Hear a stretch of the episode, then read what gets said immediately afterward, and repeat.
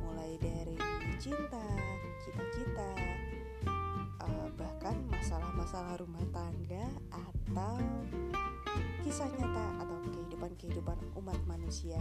Jadi untuk kamu yang ingin sharing pengalaman ataupun punya keresahan, boleh kok dengerin podcast aku ya.